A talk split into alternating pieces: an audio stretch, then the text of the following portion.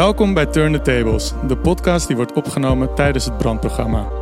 Het brandprogramma is onderdeel van het internationale theaterfestival Brandhaarden, dat dit jaar in het teken staat van Female Voices.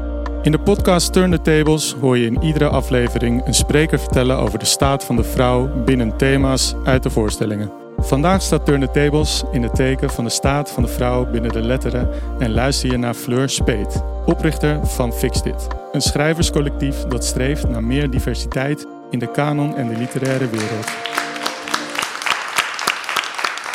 Um, ik ben dus Fleur Speet en ik ben hier omdat ik lid ben van het schrijverscollectief Fix Dit, dat streeft naar meer diversiteit in de literatuur. Met als speerpunt de zichtbaarheid van de vrouwelijke auteurs. Ik ben hier ook omdat ik historica ben en geïnteresseerd ben in de lange lijnen. Het punt is namelijk dit. Zodra we terugkijken in de literatuurgeschiedenis, zien we lange lijnen van traditie als het gaat om mannelijke auteurs. Die naar elkaar verwijzen, met elkaar optrekken en zo een netwerk van de literatuur maken. Samen creëerden zij een gebouw waarin het heerlijk toeven is. Zeker met grauw winterweer als dit en zo donker en met regen. Maar vrouwen die schrijven, zijn daarin hoogstens een enkel schilderij aan de wand. Zo moet ik constateren als ik terugblik op de wording van de literatuur, op de bouwtekeningen ervan, die al dateren uit de 17e eeuw. Zij zijn decoratie. Zij maken geen deel uit van de fundering, ze dragen geen haarbalken aan, ze voegen geen kamers toe. En dat terwijl ze voortdurend binnen muren hebben geleefd en perfect weten hoe een gebouw eruit ziet. Waarom zouden zij geen architecten van de literatuur kunnen zijn? Waarom zou er niet volop naar hen verwezen worden als groots, fundamenteel en navolgbaar, als schrijvers met een oeuvre dat staat als een bouwwerk? Misschien zouden vrouwen zelfs, heer, heer, een andere blik aan de literatuur kunnen toevoegen. Virginia Woolf verwonderde zich al in 1929 over die afwezigheid van de vrouwelijke beleving. For all the dinners are cooked, the plates and cups washed, the children sent to school and gone out into the world. Nothing remains of it all. All has vanished. No biography or history has a word to say about it. And the novels, without meaning to, inevitably lie. De grote leugen van de literatuur is de afwezigheid van de vrouwelijke beleving, of het dédain waarmee die beleving wordt bekeken. Vrouwen, als ze al zichtbaar zijn in de geschiedenis, zijn stipjes. Maar ze vormen geen lijn en ze zijn ook geen deelgenoot in het discours van mannelijke auteurs. Geen volwaardige gesprekspartner, laat staan een volwaardig onderwerp. Kijken we naar vrouwen in de Engelse literatuurgeschiedenis, dan liggen de Bronte-sisters al gauw op tafel. Met het verschijnen van de gelaagde vrouwen in romans als Jane Eyre is een begin gemaakt met het onderzoeken van wat die vrouwelijke waarheid waar Woolf op doelt nou kan zijn. In de Nederlandse literatuur hebben we rond datzelfde moment Juliane de Lanois, Gertruida Bosboom-Toussaint en Margaretha de Neufville, die de eerste Nederlandse historische roman publiceerde, maar die eer gaat in de geschiedenisboeken ten onrechte naar een man. Het blijft bij vrouwen als uitzondering, die mee mogen doen om de regel te bevestigen dat literatuur toch hoofdzakelijk een mannelijke aangelegenheid is. Want het mannelijke is de norm. In de tijd van Charlotte Bronte in 1929 en nu nog steeds. Dat vindt u vast een hele bouwde uitspraak. U wilt natuurlijk cijfers. Nou, daarvoor is Point of View opgericht. Voor de kale cijfers die uitwijzen dat er op alle vlakken in onze culturele sector nog steeds genderongelijkheid bestaat. Ik zal u nu niet vermoeien met grafieken en computeranalyses over de literaire waardering voor vrouwelijke auteurs. Daarvoor verwijs ik graag naar de briljante boeken van de wetenschappers Marianne Vogel en Corina Kolen, Baard boven baard en Dit is geen vrouwenboek. Ik zal wel een paar van hun ontdekkingen met u delen om u een indruk te geven. Want deze wetenschappers toonden door bestuderen en vergelijken van recensies aan dat mannen vooral beoordeeld worden op literaire techniek, op de compositie dus. Vrouwen daarentegen worden eerder beoordeeld op de al dan niet autobiografische inhoud. En die inhoud wordt heel precies gewogen. Met een weegschaaltje worden alle autobiografische grammen gemeten om die grammen vervolgens nauwgezet af te trekken van de literaire kwaliteit. Het is net alsof vrouwelijke auteurs geen literaire gereedschapskist ter beschikking staat. Alsof zij ruimtelijk inzicht ontberen. Hun rolmaat niet kunnen vinden, niet weten wanneer je spanhulzen, gipsschroeven of RVS-bouten moet gebruiken en nog geen fijnzaag durven vasthouden. Hierbovenop komt de dubbele maat. Want zie daar, het autobiografische bij een mannelijke auteur oogst juist bewondering.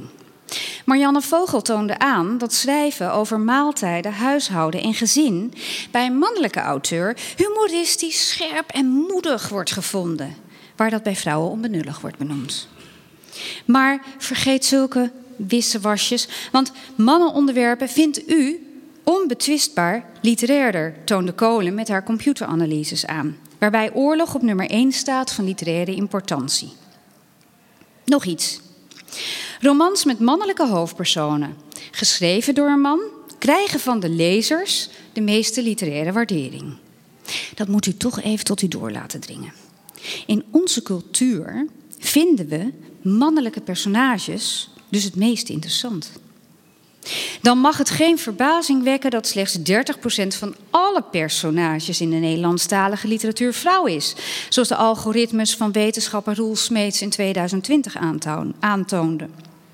Het percentage vrouwelijke hoofdpersonen bleek marginaal, ondanks de tweede feministische golf met in ons idee toch zoveel vrouwelijke hoofdpersonen.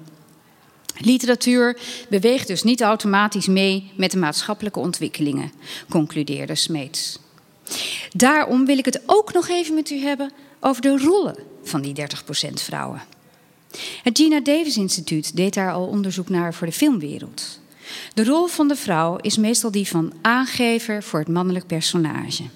Ze is moeder, hoer, madonna, muze. En voor de literatuur gaat dit net zo op. Wijfelende vrouwen zoals Jane Eyre zijn een uitzondering. Al weten wij ze wel, wij ze wel te vinden hoor, bij Fixdit. In een revolverschot van Virginie Loveling bijvoorbeeld. Ik ga nog even door met de literaire prijzen. Immers de beste graadmeter voor literaire waardering. Daar blijkt ook al een plafond van 30% voor vrouwen bij de nominaties. En nog minder zijpelen door als winnaar. Onlangs publiceerde de dichter Esther Jansma op de site van Neerlandistiek.nl een beschamend overzicht van alle mannelijke en vrouwelijke winnaars van de meest prestigieuze literaire prijs die wij kennen in Nederland, de PC Hoofdprijs. Het turven was wel heel gemakkelijk voor de PC Hoofd Essayprijs.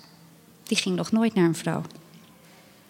Het Gina Davis Instituut toonde ook al zo onverbiddelijk aan, en eerlijk daarvan viel ik echt van mijn stoel, dat als een groep voor 30% uit vrouwen bestaat, het publiek dat als een meerderheid ervaart. Dus de meeste van ons, ook ik, zien niet eens dat er iets aan de hand is. Dat er een deel van de mensheid ontbreekt. Al deze vooroordelen en mechanismen stapelen zich op, zo laat Kolen zien. Stapje voor stapje wordt het lastiger voor vrouwen om de literaire ladder te beklimmen. Om mee te bouwen aan dat literaire gebouw dat wij alle zo graag bezoeken. De tempel van onze cultuur. En dan heb ik het maar helemaal niet meer over die gelaagde vrouwelijke personages. Want die sneuvelen onderweg. Als een vrouw een boek over een vrouwelijk personage schrijft, bungelt ze onderaan de literaire ladder. Oké, categorische uitsluiting dus. Maar zou je kunnen denken, als je die vrouwelijke auteurs in die tempel niet ziet en als ze nooit genoemd worden, dan waren ze er niet. Dat is het, ze bestaan niet. Nou, u zit goed. Blijf nog maar even zitten. Ik volg voor het gemak de driehoek van Judith Chicago's kunstwerk dat het uitgangspunt is van deze reeks debatten. Prehistorie en Romeins Rijk, christendom en de reformatie en de rechtsstaten tot nu. Onlangs verscheen een studie van prehistoricus Marilène Patou-Matisse, De onzichtbaarheid van de vrouw. Zij legt bloot hoe de wetenschap en wij zelf behept zijn met vooroordelen die stammen uit de klassieke oudheid en de Bijbel, waardoor wij vrouwen tot minder belangwekkends in staat achten. En dat terwijl in de prehistorie mannen en vrouwen tamelijk gelijk opgingen. Vrouwen waren ook krijgers en heersers al onder de vikingen. De Amazonen hebben echt bestaan. Er waren zelfs meerdere vrouwenstaten. Vrouwen zijn maar al te vaak begraven met eervolle elementen die wezen op hun status. Maar dat werd niet gezien door de 19e-eeuwse mannelijke wetenschappers, doordrenkt van hun bijbelse ideeën over zwakke vrouwen, die in de skeletten louter mannen zagen. Vrouwen zaten namelijk in de grot, ze verzamelden besjes. Nou, enfin, u kent dat wel. Niets van waar. Zo bewijst Batum Matisse. En de computeranalyses zijn onverbiedelijk. Vrouwen waren volwaardig en vaak gelijkwaardig aan mannen. Hun spierkracht was zelfs groter dan die van de beste vrouwelijke bodybuilders nu. Zo. Dat misverstand lijkt me uit de wereld geholpen. Maar dan, die klassieke tijd, wat is daar toch gebeurd? Het vreemde is, wie op zoek gaat naar vrouwen in de geschiedenis zal verbaasd staan kijken. Ik kom ze steeds vaker tegen, in voetnoten. Plutarchus had een vrouw, Timoxena, die filosofische stukken schreef. Wist u dat? Hij inspireerde Plutarchus. Pythagoras had ook een vrouw, Theano, die wiskundige en astronoom was en waarschijnlijk ook arts en zeer waarschijnlijk ook na zijn dood zijn hele secte heeft geleid. Sommigen van u kennen misschien wel Hypatia, de wiskundige. Of wellicht hoorde u over Enheduana, onze eerste literaire auteur ever. Deze vrouw tekende in spijkerschrift als eerste de Bijbelverhalen op. Veel van deze vrouwen die net zo goed filosoof, wiskundige, muzikant of schrijver waren, zijn als kruimels uit de geschiedenisboeken gevallen en achterloos op de mestfout geschoven. Hoe kan dat nou toch? Daar geeft cultuurhistorica Janina Ramirez een antwoord op. In de middeleeuwen zetten monniken femina in de kantlijn van de te kopiëren boeken bij woorden van en over vrouwen. Dat betekende dat deze stukken moesten worden overgeslagen. Veel intrigerende verhalen over vrouwen die toen bekend waren, werden verzwegen. Uit religieuze, maar ook uit nationalistische motieven. Terwijl ze er dus wel waren. Nu schuif ik een stukje op in de tijd. Volgens hedendaagse wetenschappers waren de 14e en de 15e eeuw eigenlijk de gouden eeuwen voor vrouwen. En wie de biografie van Herman Pleij over Anna Bijns leest, neemt ook kennis van de alomtegenwoordigheid van vrouwen in de 16e eeuw. Zelfs in de rederijkerskamers. Alleen werden hun namen niet opgetekend. En dat terwijl er boeken bestonden die hun namen maar steeds probeerden te conserveren. Niet alleen Christine de Pizan deed dat, maar ook bijvoorbeeld in Nederland Johan van Beverwijk in 1639 met zijn van de uitnemendheid des vrouwelijke geslachts. Vergeet bovendien niet hoezeer vrouwen een ander onderwerp aandroegen: dat van het geloof. Al in de vroege middeleeuwen, Hadewig, Beatrice, zuster Bertken, we kijken er een beetje op neer, omdat het suf en serieus zou zijn. Maar de religieuze literatuur is bij uitstek een genre waarin vrouwen uitblinken. En als je zoekt, vind je steeds meer namen. Bij de geboorte van onze literatuur in de 17e eeuw, ik ben ondertussen dus al bij de tweede zijde van Chicago's driehoek, waren ook vrouwen aanwezig. En dat waren echt niet alleen de zussen Roemer Visser en Anne-Maria van Schuurman, die we bijna allemaal wel kennen. Dat waren ook Margaretha van Godewijk, Catharina Kestier, Johanna Komans, Alida Bruno, enzovoort, enzovoorts. Lucretia van Merken was, I hate to tell, een grotere ster dan Joost van den Vondel. Gelooft u dat? Maar het was waar. Het publiek scheurde zijn kleren, verloor hoeden of liep builen op om maar een toneelstuk van haar bij te kunnen wonen. Maar wie kent haar nog? Wie noemt haar nog? Ja, Theater Kwast met Vondel was een vrouw. Zo kunnen we voor de 18e eeuw en de daaropvolgende eeuwen, de eeuwen van de rechtsstaten van Judith Chicago, blijven doorgaan met namen noemen die zijn verdwenen. Van vrouwen die het vrouwelijke beschreven of de vrouw als onderwerp namen en meteen daarom al op minder literaire waardering konden rekenen. Van vrouwen die het anders deden en daardoor in feite de grote vernieuwers waren. Iets waar we steeds vaker achter komen in onze Fix Dit podcast. Helle Haase, Marie Dorna, de al genoemde Virginie Loveling. Zij verkenden een pad dat nog niemand had bewandeld. Na hen volgde menig mannelijke auteur zonder hun voorlopers te noemen of misschien wel te kennen.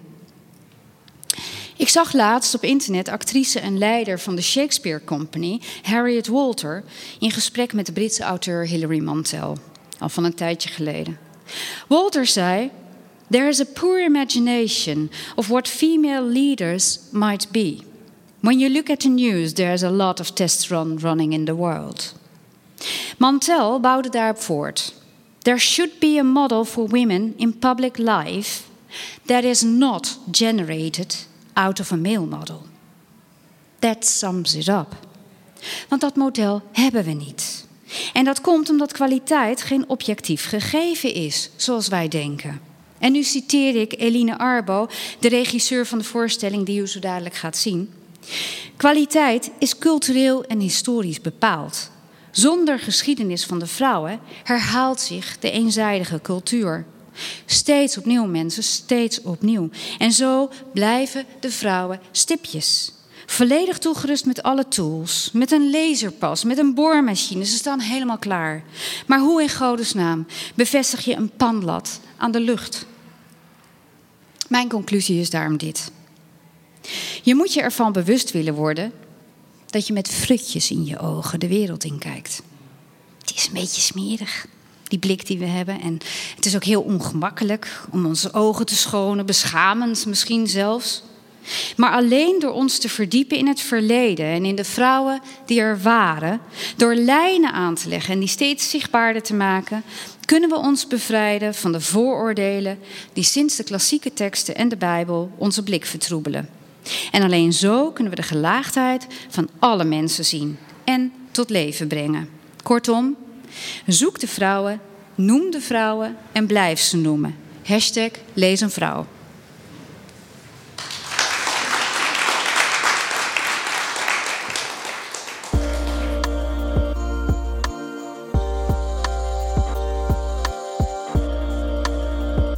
Dit was de tweede aflevering van de podcast Turn the Tables.